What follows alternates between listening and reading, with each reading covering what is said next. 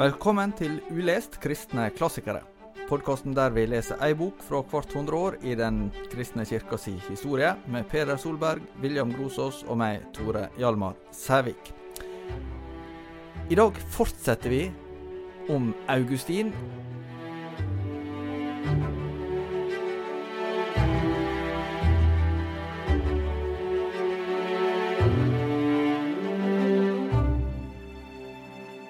Sist snakka vi om bekjennelser, som er Augustin sitt mest kjente verk. Men det er jo et av veldig mange og mye større verk han skrev. Og litt av tanken i dag, William, det er å sette Augustin inn i en sammenheng og forklare hvorfor han ble så viktig.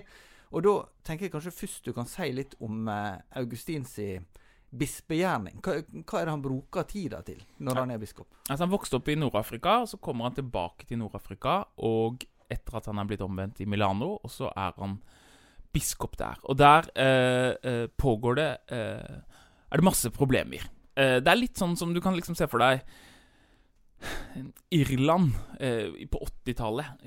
Du har eh, kirken, du har en stat, og så har du en en, eh, en sånn falang av, eh, av eh, Som er knytta til religiøse spørsmål. av sånn halvveis terrorismegruppe, da. Så du har, du har, Det kalles for donatisme. Det var, vi snakket om de um, så vidt uh, i episoden hvor vi snakket om martyriet, og hvordan det ble et problem for kirken hvordan man skulle forholde seg til de som, eh, de som hadde falt fra under forfølgelser. Og, og, det var en prest som het Donatus, som, som var en, en sånn hardliner på det. Og så blir det en kirke som ligger parallelt den, med den katolske kirke i Nord-Afrika. Og, og, den eh, eh, De er på en måte De har veldig sånn klare krav til de som er en del av fellesskapet. Eh, og eh, men det fins også en, en, slags sånn voldelig left wing i, i, denne bevegelsen, som driver med terroraktige eh, ting og som uh, har et kirkesyn som, som uh, legger veldig vekt på dette at, at, kirken er for de som er uh, uten synd, og de som har omvendt seg fra synd. Og det at Augustin lever og er i det miljøet, preger hans teologi enormt. Det fins en annen konflikt som han kommer inn i senere, med den irske munken Pelagus. Det var bare tilfeldig at jeg nevnte Irland med irske Pelagus. men men, men uh, som, er beslekta med det. Men, men, det vi ser, er at han lever et langt liv. Uh, og han blir involvert i ulike uh, kontroverser. Den viktigste er den donatiske. Altså I ettertid så har den pelagianske også fått stor betydning. I sin tid var den donat, med donatismen, som hadde med synet på hva kirken er, den viktigste. Og disse to konfliktene Han er jo predikant og, og skrevet enormt mye.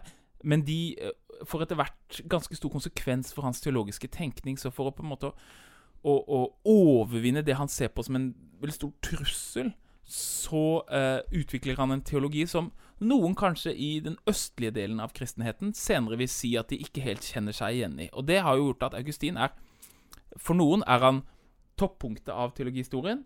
Uh, men for andre, f.eks. i den ortodokse delen av kristendommen, så representerer han et slags sånn eh, nesten et sånt syndefall, der du henter i disse konfliktene med Donatus og med Pelagus, så hentes det inn ressurser som gjør at han, han, han drar den vestlige teologien i en retning som de, noen av de østlige ortodokse vil, vil, si har eh, gjort skade. da. Ja, hva er det vi da snakker om, uh, Peder, med Augustin sin for, for, det er jo lett å tenke at en så betydningsfull teolog Han, han må jo virkelig Han, jo, var jo et geni. Det, det er ganske opplagt. Eh, og, og, det har jo eh, fått konsekvenser. Men så er det også noen sånne kanskje svake sider, da. Ja, han var et menneske, da. Det, det, er noe med det. Han var et geni, men han var også et menneske, og med sine med sine hva skal jeg si, svakheter. Eh, og Altså, eh, Det er ikke noe tvil om at han er et knutepunkt i den vestlige teologien. Altså, det er så mange tråder som William var inne på siste episode, altså, som går gjennom Augustin. Vi skal forstå hele den vestlige teologiens utvikling. Og det er der, det er der en del, altså fra østkirkelig perspektiv, vil si at um, at uh, ja, Augustin var en bra teolog på mange ting, men, men han har fått altfor stor betydning og altfor stor plass. Og veldig mange av de tingene som han sto for som som på en måte er spesielt for Augustin, har prega den vestlige kirken altfor mye. Eh, og det kan f.eks. da gjelde eh, altså i eh, oppgjøret med både donatistene og med kanskje ikke minst Pelagius og en forståelse av syndefallet. På hvilken måte har det prega oss, og, hvordan forstår vi det rent sånn historisk? Hvordan forstår vi hvordan synden preger oss i dag?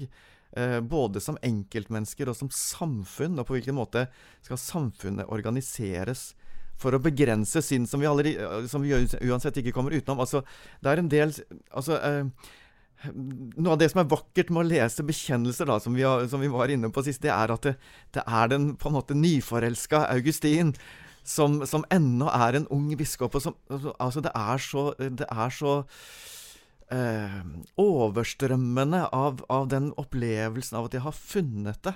Jeg har funnet alt jeg har lengta etter.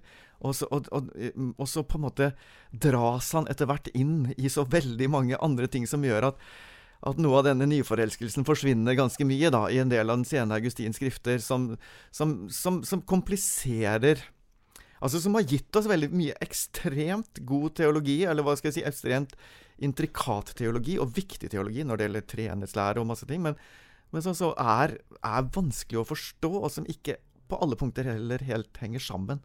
Nei. Og Derfor så får du i reformasjonen både de katolikkene som sier 'vi er augustinianere', og lutheranerne som sier 'vi er augustinianere', og ja, kalvinistene som sier 'vi elsker Augustin'. Og alle elsker Augustin, og ingen er helt enige, fordi, som Peder sier, så, så Det fins også en utvikling i Augustins tenkning, og det fins ulike kontekster hvor han skriver eh, på litt ulike måter. Det betyr ikke at han ikke er en koherent tenker, men det betyr at, at han, han, han skriver et helt liv. Luther var jo til og med augustinermunk før han eh, ble reformator. Men eh, hvis vi skal snakke først litt om det med synd og arvesynd, det er jo eh, på en måte begynnelsen. Det er der problemene oppstår for Augustin. Mennesket kommet til et konfliktforhold til skaperne, til seg sjøl.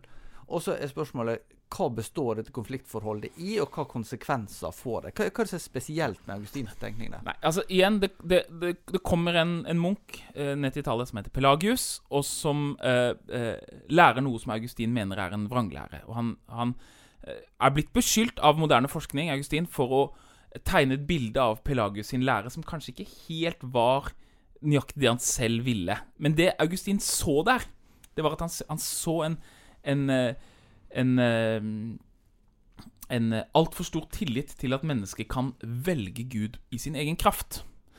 Men eh, mennesket er fanget av synden, er et veldig viktig poeng for Augustin, og for all kristendom. Men mennesket er fanget av synden, og det eneste måten mennesket kan velge Gud på, det er ved at Gud eh, så å si gir meg evnen til å velge ham eh, ved Den hellige ånd, ved at han føder meg på ny han gir meg en ny vilje. Og det er det vi ser også i bekjennelse, hvor han beskriver hvordan han har sin gamle vilje, som skjønner at det er godt, men så får han en ny vilje som vokser opp i han. Og denne viljen er fra Augustin min vilje, i betydelsen at det er ikke en fremmed vilje, noe som tar bolig i meg, som liksom et spøkelse når Den hellige ånd kommer til meg.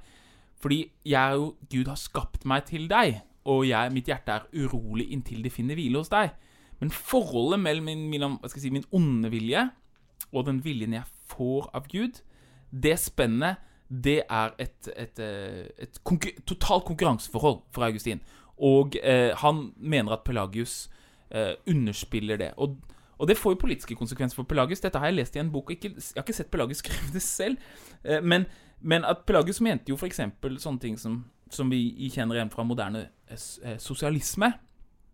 At, at Årsaken til at de fattige eh, røvet, f.eks., det var fordi de var fattige.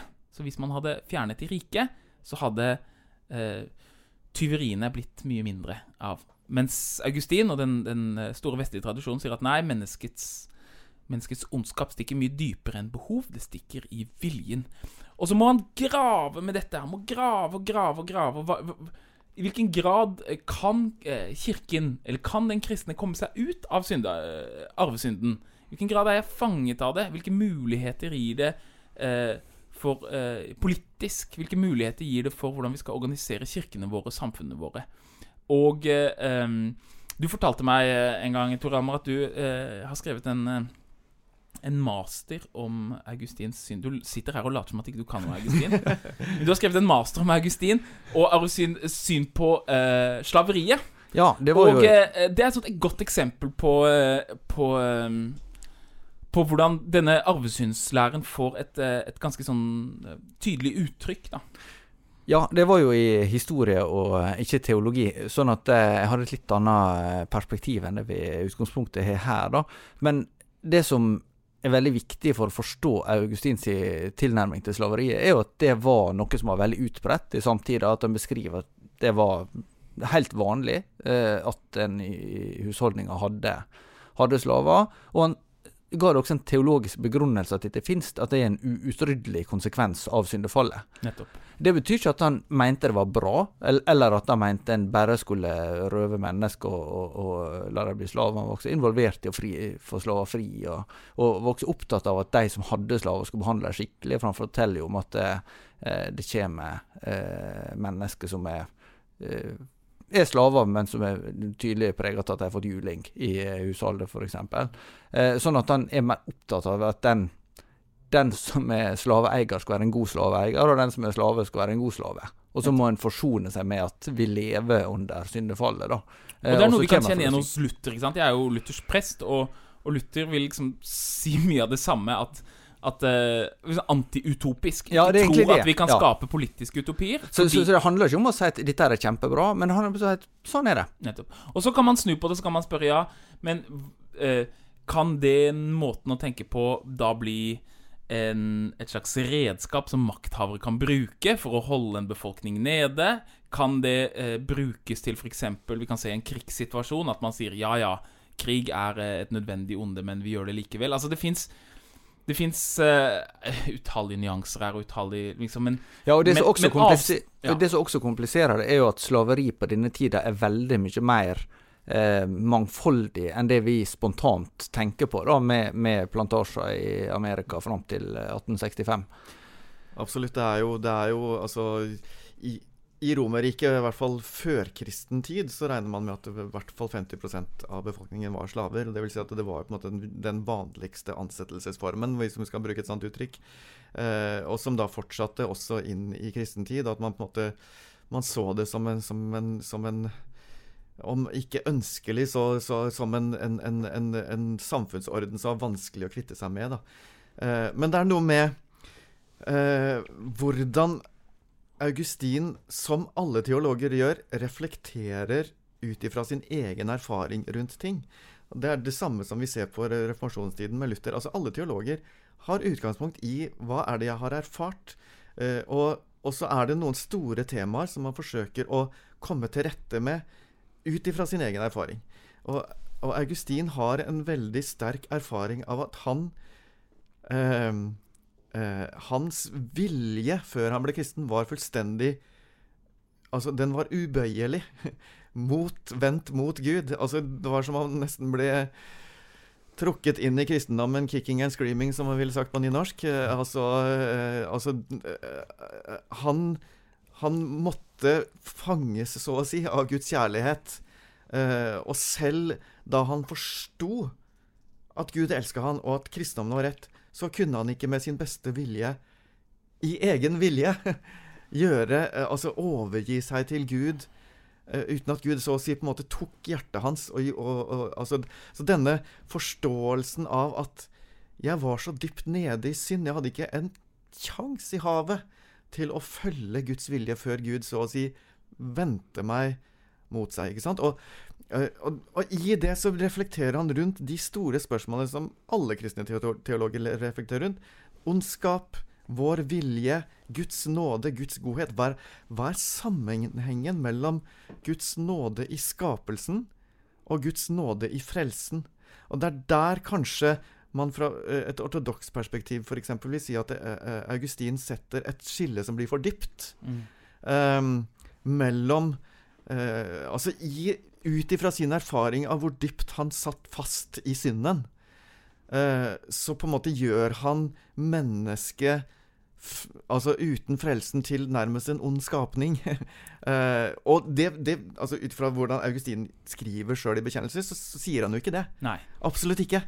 Det noe, men det er der altså at Men det noe- finner i de antipelagianske skriftene så finnes det tendenser til det. Nettopp. Og der er vi midt i reformasjonen igjen. Nettopp. For da kan den ene siden si 'ja, men se på dette', og så kan en kalvinist si 'ja, men se på dette'. Nettopp. Og bare i bekjennelser som er i tidlig skrift, så finner du Finner du utsagn som Hvis du stiller de ved siden av hverandre, så ser det ut som han sier litt motsetningsfulle ting.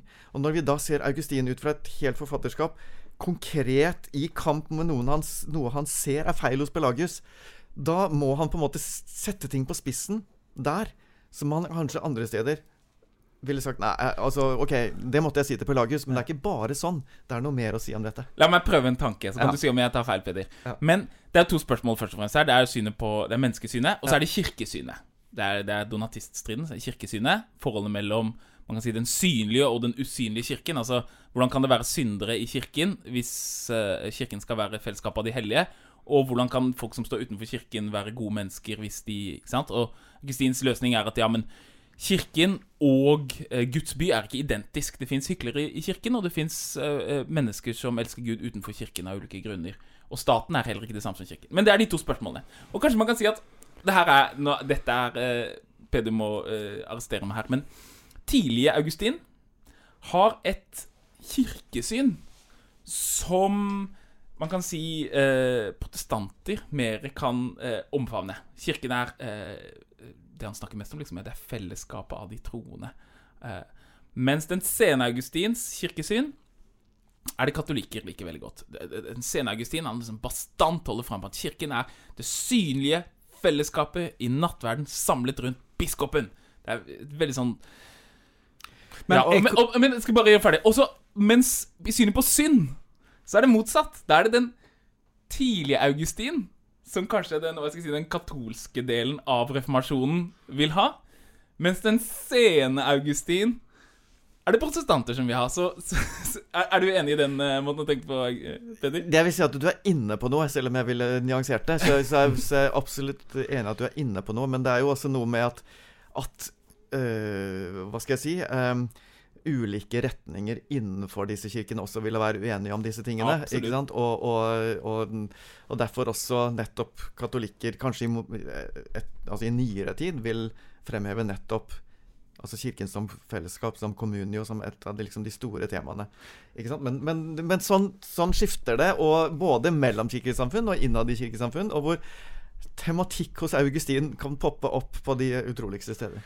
Du er inne på det, Peder, at enhver teolog opererer i en samtid ut fra Ja. forutsetninger. Ja. Og Augustin har jo et livsløp som går fra 354 til Ja. 430. Ja. Det sammenfeller jo med ganske store endringer religionspolitisk i Romerriket. Fordi at eh, tidlig på 300-tallet, 312, 313 eller kanskje, så kommer det toleransediktet til eh, Konstantin, og så kommer på en måte eh, kirkemøtet i Nikea i 325, og Konstantin har fått makt for hele Romerriket, og utover 300-tallet, og det topper seg med Theodosius den store, så er kristendommen blitt statsreligion. Den er ikke bare blitt tillatt, men den er blitt en del av eh, en integrert del av keiserideologien, egentlig. Eh, og da er vi omtrent på den tida da Augustin blir omvendt og blir biskop, og det vil jo si at han vokser opp i ei tid da kristendommen ikke i det hele tatt har samme posisjon som den en kommer til å få etter hvert som han sjøl er kirkeleder. Det er helt sant. Og dermed så skal han også håndtere og operere i et samfunn der kristendom er helt tydelig en maktfaktor. Absolutt, og, og, og, i endring, sant. Så, så, som, altså, han ble jo født mens, øh, mens øh, kappadokierne og, og, og de som vi snakka om sist, og Julian var studenter i, øh, i Aten. Og han Altså, Julian ble jo keiser da han var øh, en ung gutt. Øh, og øh, bare for å nevne en ting til. altså Selv om ja, kristendommen får en stadig sterkere posisjon, men rett før han ble kristen, så, altså, vi nevnte Ambrosius og kirkesangen. Når oppsto den? Jo, den oppsto uh, altså, uh, i, i, i Milan der, hvordan de innførte, som, som William var inne på sist, kirkesangen fra, fra østlig tradisjon. Jo, det var fordi at Ambrosius var eh, under sterkt press og egentlig eh, trussel om forfølgelse, altså trussel om å både bli både fengsla og hva som verre var, av keiserens kone. Eh, sånn at hele menigheten samla seg for å be for biskopen sin for å beskytte han. Og da begynte noen å synge. Og så begynte de å synge sammen, og, og, og som en nesten sånn spontan Fordi altså eh, Kristendommen har fått makt, men det er også ulike varianter av kristendommen som helt opp til keisernivå stadig kjemper om posisjon. Eh, og det er også i dette perspektivet at ja, Kirken er blitt en maktfaktor, men, men hva slags kristendom? Det er fortsatt ennå et, Det er ikke spørsmål monolittisk. Nei. Og Augustin skaper kanskje det. Fordi når du kommer da til 800-tallet og eh, karolingiske riket, så er det jo liksom alle hoffteologene der, de er augustinianere. Og da har du etablert hvordan du skal forholde, se på forholdet mellom staten og kirken. Hvordan, hvordan staten og kirken ikke er det samme, og, eh, og eh, alle disse tingene. Men det er en sånn terskelfigur. ikke sant? Han er en veldig terskelfigur, Augustin. Og vi kan um, det er en, en veldig viktig del av hans livsløp er jo også det at Nord-Afrika blir jo invadert av uh, visigoterne. Ja, det er jo et kjempesjokk for Augustin. Al- Og for alle, da, egentlig. Men altså, Roma blir jo, blir jo inntatt. Blir det. Og disse visigoterne, de uh, eh, er jo kristne, de òg. De er bare arianere. ikke sant? Så de Som og, vi snakka om i forrige episode. Som vi om i forrige ja, episode, De de som som- ikke trodde at Jesus var Gud for evighet. De trodde at Gud, Jesus var det største i skapelsen. Så de visigoterne de eh, lot jo de kristne få overleve om de gjemte seg i kirkene, f.eks. Og eh, eh, Så Augustin skriver liksom hvordan det på en måte reddet hedenes Eller han kaller det arianerne for hedninger, da, men hedningenes kristendom reddet kristendommen, på en måte, skriver han. Hvordan de i, Men, men eh, Så det her er en, en, en veldig Han er en portalskikkelse, og, og eh, han, han finner løsninger som ikke er så aktuelle i en annen kontekst på hvordan du skal forholde deg til at du har en stat, og du har et mangfoldig samfunn med syndere og helgener i kirkene. Og det er jo det som er det store med, med donatiststriden, hvordan han lander det. Hvordan han sier at nei, det er ikke prestens personlige fromhet som bestemmer hvorvidt et sakrament er gyldig. Eh, Det er ikke prestens eh, Mens det er, det er den troen presten forkynner, og det embetet presten står i. Og, og etablerer et kirkesyn som skal si, kan fungere i relasjon til en, en, eh, en stat. mener, og, og, også er folkekirkevirkelighet, kan en Ja, si. kan man si. Altså, han på en måte er han den ideologiske eh, oldefaren til, eh, til folkekirkekonsept i luthersk, katolsk, i mange sammenhenger. Så, så har du jo folkekirke i ortodoks sammenheng også, så, de, så vi må være litt forsiktige med å si, men de vestlige, vestlige folkekirkenes arkitekt For eksempel, vi snakker ofte om Luther sin toregimentslære. Eh, dette at eh, keiseren har ansvar for å eh, eh, ha uttrykk for den, den, eh, den makten som er basert på vold, men keiseren er også, står også til ansvar overfor Gud til å legge til rette for at kirken kan få gi mennesker sine åndelige behov. Den toregimentslæren eh, fins i ulike former, men den har sine røtter til Augustin.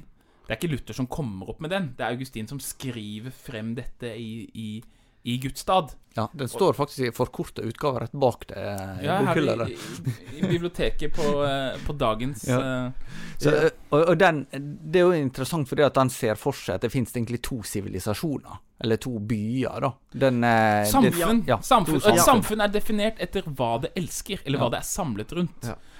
Og, og derfor så er eh, altså eh, det som, eh, det som egentlig er, Altså, det ene samfunnet er et Det er, det er Guds rike, rett og slett. Uh, og dermed så er, kan det aldri defineres identisk med, egentlig, selv ikke med kirken. Altså eh, Og i hvert fall ikke med en stat. Så en stat kan ikke være kristen i, i den forstand, uh, sånn som Augustin ser det. Altså en, en myndighet kan ha mer og mindre samsvar med den rettferdigheten som kommer fra Gud, men den vil aldri være identisk med det. Altså, det vil alltid være synd og begrensning av synd som på en måte vil være en, en, eh, en stor del av hva, hva ethvert menneskelig samfunn egentlig består av. Ehm, eh, så han har veldig sånn Vi kan kalle det et realistisk eh, Realistisk pessimistisk syn på, vår, på, på muligheten for å bygge idealsamfunn i, i denne verden, da. Ja, for jeg tenkte på Skal vi beskrive Augustin mest som en realist eller som en pessimist? Eh, det spørs hvem du spør. Eh, eh, Og hvilken Augustin? Ja, det også. Så, så det er han har i hvert fall pessimistiske trekk. Og det er jo altså hele denne boka som jeg ville egentlig heller oversatt med Guds by. altså Det er jo denne bystatstanken vel fra, fra Platon sant, som er, som er bakgrunnen her. Uh, uh, det er jo et er det, det, er i hvert fall mange og 20 bøker. Hvor mange og 20 bøker er det, husker jeg ikke nå. Men, men som egentlig er et over 20 år et langt svar på kritikerne som sier at når Roma blir eh, plyndra og, og, ødelagt. Altså, her ser dere. Altså Den kristne guden, eh, Jesus, altså som om han kan være en gud vi kan bygge et imperium på. Han eh, beskytter jo ingen, ikke, selv ikke hovedstaden. Når, når keiserne har valgt kristendommen, så, så blir allikevel hovedstaden plyndra. Ergo er kristendommen en svak og unyttig religion. Um, så Augustin bruker 20 år og mange og 20 bøker på å svare på dette. Uh, og forsøker da Altså, han har jo et, et noe pessimistisk samfunnssyn, da, i hvert fall, som kommer frem i disse bøkene.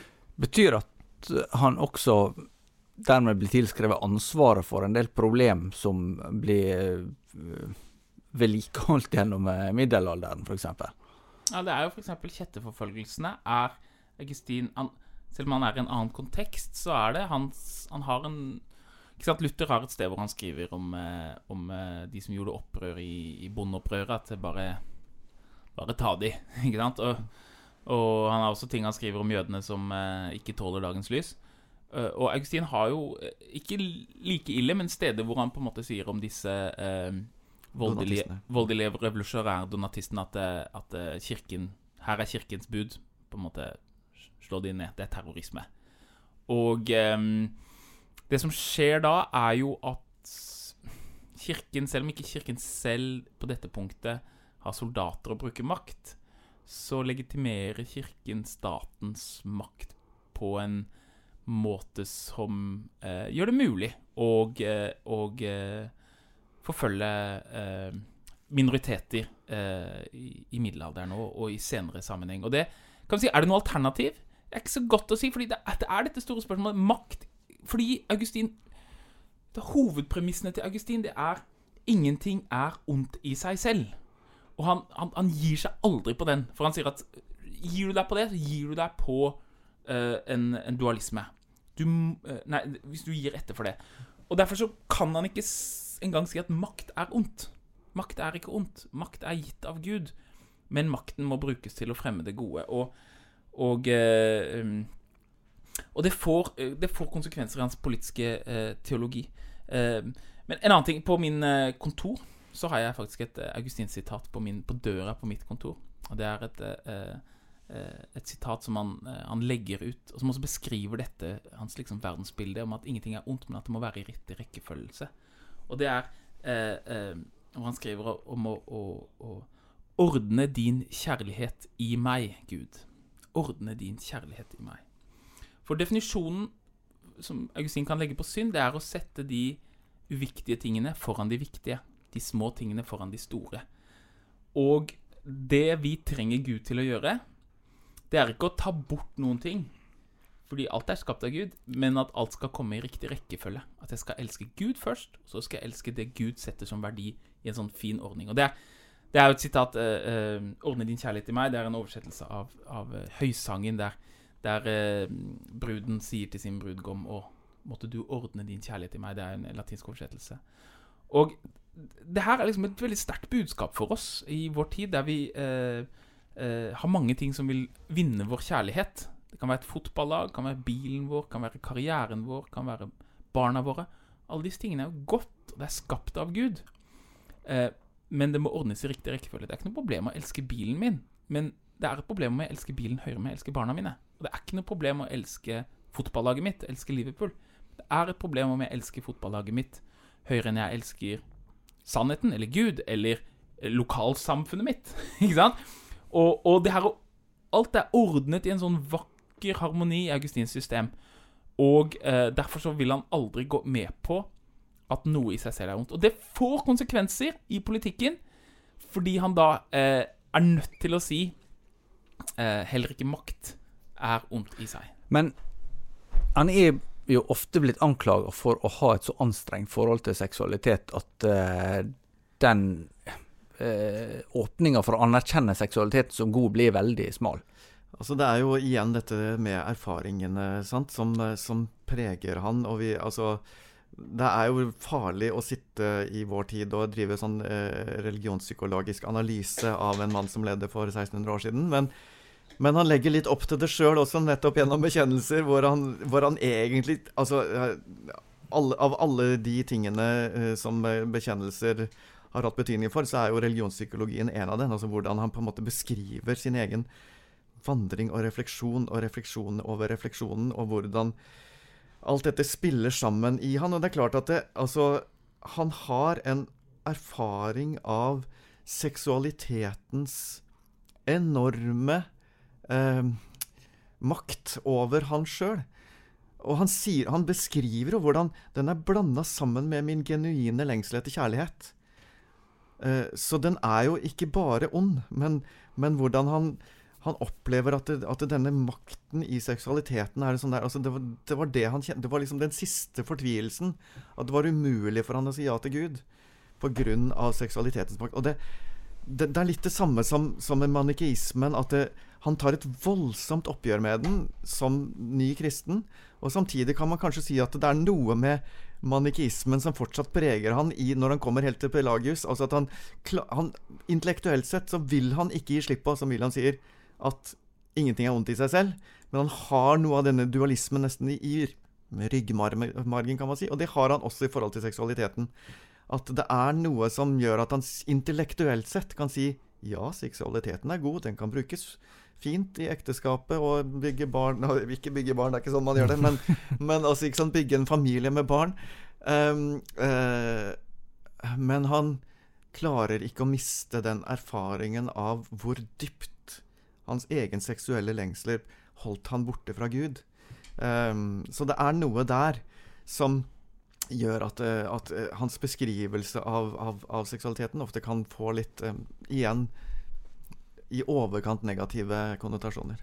Han blir sånn huggstabbe for moderniteten, som gjør jo, er jo helt besatt av sex. Og, men jeg er egentlig mer interessert Jeg er enig i dette, og vi må nyansere hans For han, han, han snakker jo om seksualakten, og at den kan være eh, på en måte fordi seksualakten i seg har et, et begjær, så, så, på en måte er det en måte hvor begjæret på en måte går videre gjennom generasjonene. Og der, der finnes det også et eller annet problem med at han, liksom, at han Når han leser historie, så er det det liksom han blander kortene i forhold til den åndelige historien og den biologiske historien på en måte som, som veldig mange teologer, også augustinianere, på en måte har justert. da men jeg er egentlig mye mer interessert i hvordan Augustin kritiserer vår kultur og vår syn på sex, enn hvordan vi kan sitte 1600 år etter å kritisere hans syn på sex. Fordi hva er det han egentlig vil til her? Det er å si Begjær og sex kan aldri være min evige identitet. Jeg har en identitet. Jeg er William Grusås, og jeg er skapt av Gud. Han har kalt meg ved navn. Jeg er min. Og jeg står i en seksuell relasjon til min kone, og vi har et barn. Men den seksuelle relasjonen er ikke min identitet. Min identitet står overfor Gud, og jeg kan ikke si min seksuelle begjær er et uunnvikelig del av mitt identitet. Og hvis jeg svikter mine seksuelle begjær, så svikter jeg meg selv. Det sier ikke kristendommen. Hvorfor sier kristendommen ikke det? Fordi jeg i evigheten skal skue Gud og få se min sanne identitet. Og da vil jeg ikke lenger være i en seksuell relasjon med min eh, kone. Fordi tiden har gått opp i evigheten, og seksualiteten er noe som er knyttet til forplantningen, og dermed også på en måte forgjengeligheten. Og det er derfor vi snakket om at tiden er både en, en gave og et problem, for tiden også gir forgjengelighet. Så derfor så eh, Augustin lærer oss også at ja, vi har disse seksuelle begjærene våre knyttet til forplantning, knyttet til vår lengsel etter å bli sett, knyttet til vår kropp. De seksuelle eh, begjærene kan ta uendelig mange uttrykk. Og alle mennesker har dette. og Det er helt greit. Men de, i motsetning til Freud, da, som snur på hele Augustin, og så sier han nei, dine seksuelle begjære er din dypeste identitet. Og det kan være et problem, og da må vi prøve å håndtere det problemet. Eller det kan være liksom din store løsning. Det er derfor de liksom på 1800-tallet så skulle de liksom Ja, de skulle bruke seksualiteten for å løse på en måte menneskets lengsler på en eller annen måte. Og Augustin han vil bare si nei. Det er helt motsatt. Det er helt motsatt. Seksualiteten min er en del av det å være skapt. men den er ikke min grunnleggende identitet. Eh, og eh, behovet mitt for å ikke bare være en fullkommen kjærlighetsrelasjon, men å være en, eh, en unik, eller man kan kalle det en eksklusiv, seksuell relasjon med én person, det har i seg elementer som ikke vil være mulig i evigheten. For da skal jeg jo være like intimt forbundet med alle mennesker og med Kristus. Så? Jeg, jeg har min kone, og vi har en unik seksuell relasjon. Og den er det ingen andre som har noe med å gjøre. Eh, men det fins et, et, et, problem i det også, fordi det betyr at jeg kan ikke invitere alle inn i den intimiteten. Det går jo ikke. Men i evigheten så skal jeg ha den fullkomne foreningen med alle. Og derfor så kan ikke seksualiteten være min identitet, for min identitet er gitt av Gud. Og det er enda en ting til der, eh, uten å gå Som du sier, det er ditt ekteskap men, men, det er enda en ting der, hvis vi pusher Augustin enda litt til, det er at det, augustinsk teologi, og også noe som er blitt videreført i, i kirkelig tradisjon, det er at det, eh, alle er kalt til kyskhet. Også de som lever i ekteskap. Eh, og at seksualitet kan også i ekteskap være blanda Hva skal jeg si? Og er som regel blanda Altså en miks av eh, det som handler om mitt eget begjær og min egen tilfredsstillelse, og det som handler om selvhengivelse i, eh, i, i Hva skal jeg si Ikke som et uttrykk for at jeg må ha deg fordi jeg mangler noe i meg selv. Eh, men at jeg kan gi meg til deg fordi jeg ikke mangler noe. Uh, og det er noe av dette som altså, Jeg er helt enig med William. altså Midt i alt det vi kan uh, kritisere Augustin for, så har han sett noe utrolig, utrolig dypt inn i det som handler om menneskets eh, lengsel etter å bli hel, og hvordan vi bruker seksualiteten som et falsk virkemiddel for å bli hel. Fordi det, seksualiteten gjør deg ikke hel. Altså øh, Uh, Jesus står ikke i noen seksuell relasjon. Jesus er, uh, elsker alle mennesker, og han er en 33 år gammel jomfru. Og uh, årsaken til at Antonius sin, sin, kamp mot sine indre demoner ble så inspirerende for alle mennesker, det var ikke fordi at å, det betyr at du kan være munk hvis du vil. Det betyr at det viser at det begjæret og alle de tingene som forteller meg at jeg trenger denne seksuelle relasjonen, eller jeg trenger disse pengene, eller jeg trenger denne anerkjennelsen for å være menneske, det er ikke sant. Jeg kan dø fra det. Og jeg har væren, jeg har meg selv i Gud. Og eh, derfor så er munken, altså den som lever helt og fullt fra Gud, det er bildet på den sanne kristne seksualiteten. Ikke den småborgerlige familien. Og det er liksom, Vi snakker ofte om at vi har problemer med å kommunisere eh, eh, seksuelle grenser, undervise om seksualitet for unge og sånne ting.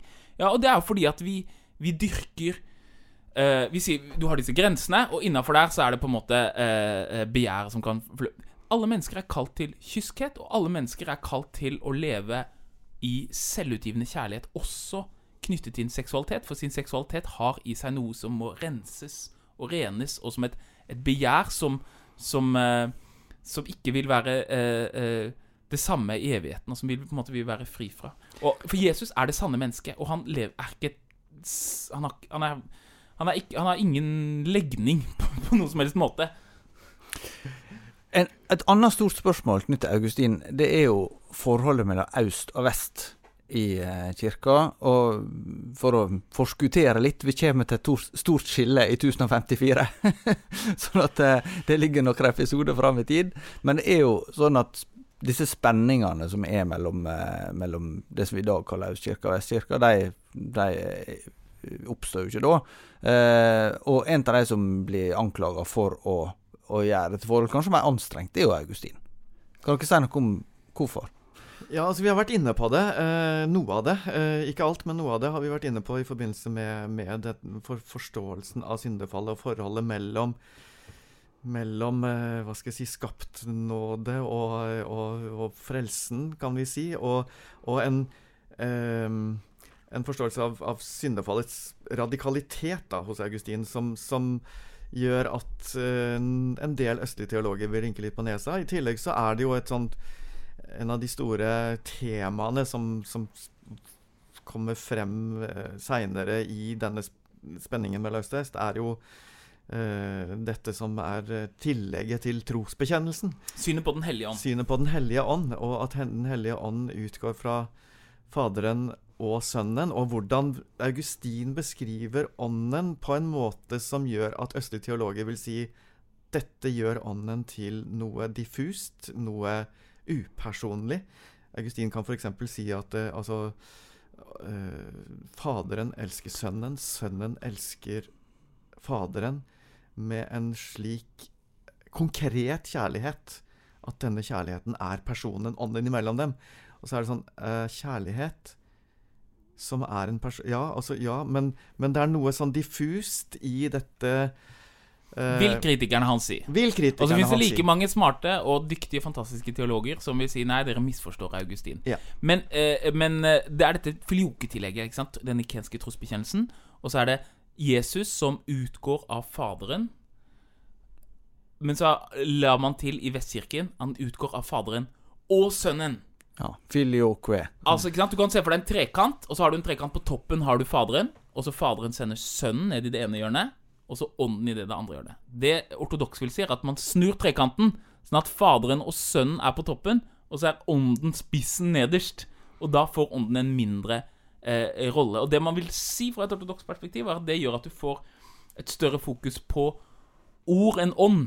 Du får et for stor, du får et stor på, på eh, Og at det, alle Vestens liksom fokus på eh, canon law, på regler, på alle disse tingene, er ting som er knytta til dette. Og er, det, er den historieskrivningen eh, sann? Det er ikke så lett å si. Men, men jeg kjenner noen som snakker om at jeg er, opp, jeg er ikke oppvokst med Faderen, Sønnen og Den hellige ånd. Jeg er oppvokst med Faderen, Sønnen og Den hellige skrift.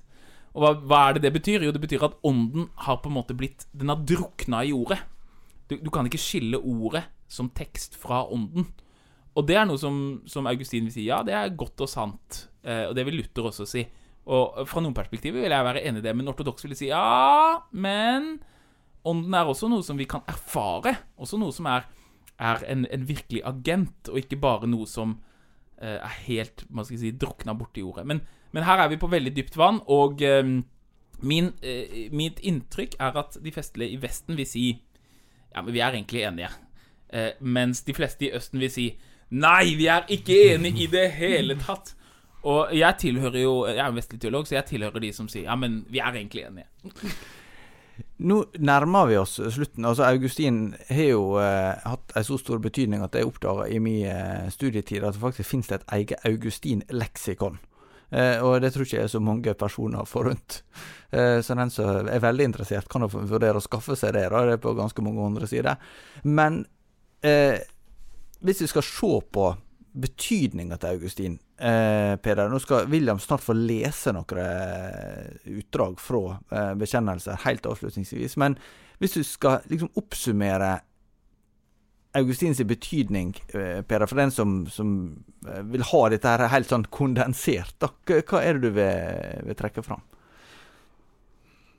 Ja, det er Kondensert Jeg prøver å Hjernen går i høygir nå, fordi, fordi eh, Hvordan skal man sette ord på dette eh, veldig konsentrert? Men det er klart, som sagt Alle eh, tekstene som han har skrevet, har blitt på en eller annen måte blitt helt sentrale i Ikke alle tekstene, men veldig mange av de, de sentrale tekstene har blitt sentrale i den teologiske refleksjonen gjennom hele middelalderen og, og via, kan vi si, Thomas Aquinas, via eh, Martin Luther, via Calvin, eh, så er Augustin en sånn understrøm eh, som har prega veldig mye av, av den teologiske refleksjonen, de teologiske debattene.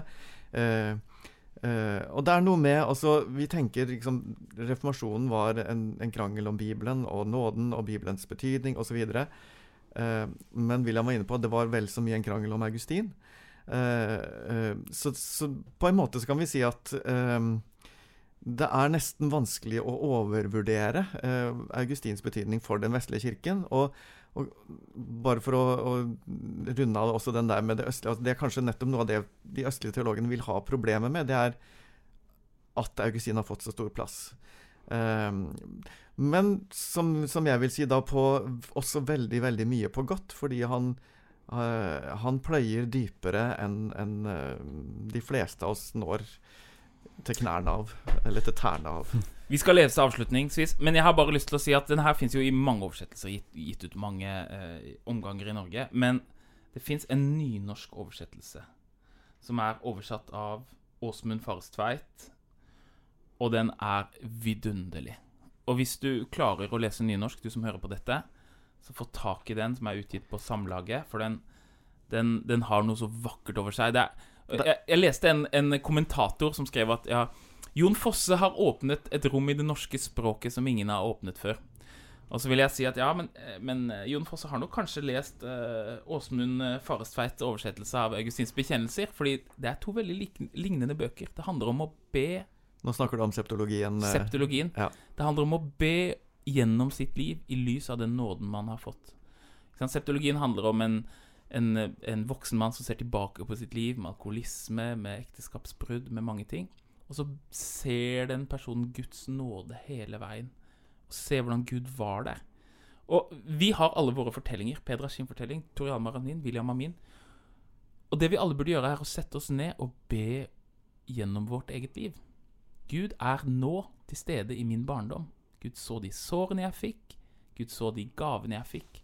Og Gud leda meg og ønsket å dra meg hit til denne dagen jeg var i dag. Og Gud ville ikke det onde, men Gud bruker alt det onde. Og alt, all min, til og med min synd bruker han til å dra meg til seg. Og lede meg til at jeg kan være her i dag og elske ham. Og det er det Augustin Han trener opp vår bedende blikk til å se våre alt i livet vårt til en, som en nåde fra Gud. Og det er det jeg mener også septologien av Jon Fosse gjør, da. Um, og uh, denne nynorskoversettelsen er utrolig vakker, men, uh, men jeg er fra Bærum, så jeg kan ikke lese dette nå. Jeg fikk lyst, men, men uh, Tore Alman, du er jo Er ikke du fra Hvor er det du fra Møre? Ja, jeg er fra Sunnmøre, så Ja, Da skal du jeg, lese her. jeg vokste opp bare 40 minutter fra, eh, fra Ivar Aasens heimbygd. Sånn Da, at, da, må- da tåler du Denne dette. Ja. oppgaven er gitt til deg. og da er vi på eh, Punkt 27. 27. Seint har jeg elska deg, du fagre, så gammal og så ny.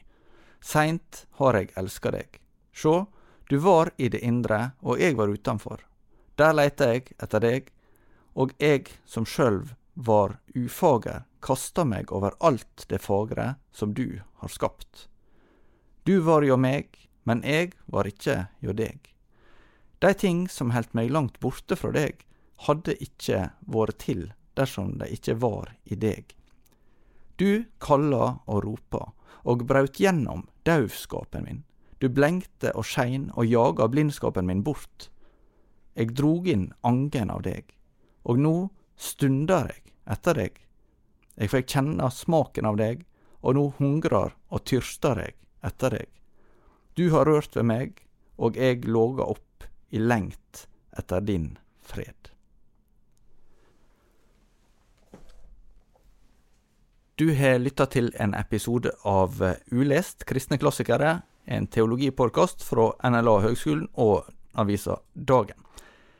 Vi vil gjerne høre fra deg hvis du har tilbakemeldinger eller spørsmål. Da kan du sende en e-post til tore.krøllalfa.dagen.no. Du kan også abonnere på podkasten i appen, eller eh, du må gjerne Og du må gjerne anbefale den til andre hvis du kjenner noen som du tror kan ha glede av den. Vi høres igjen. Takk for i dag.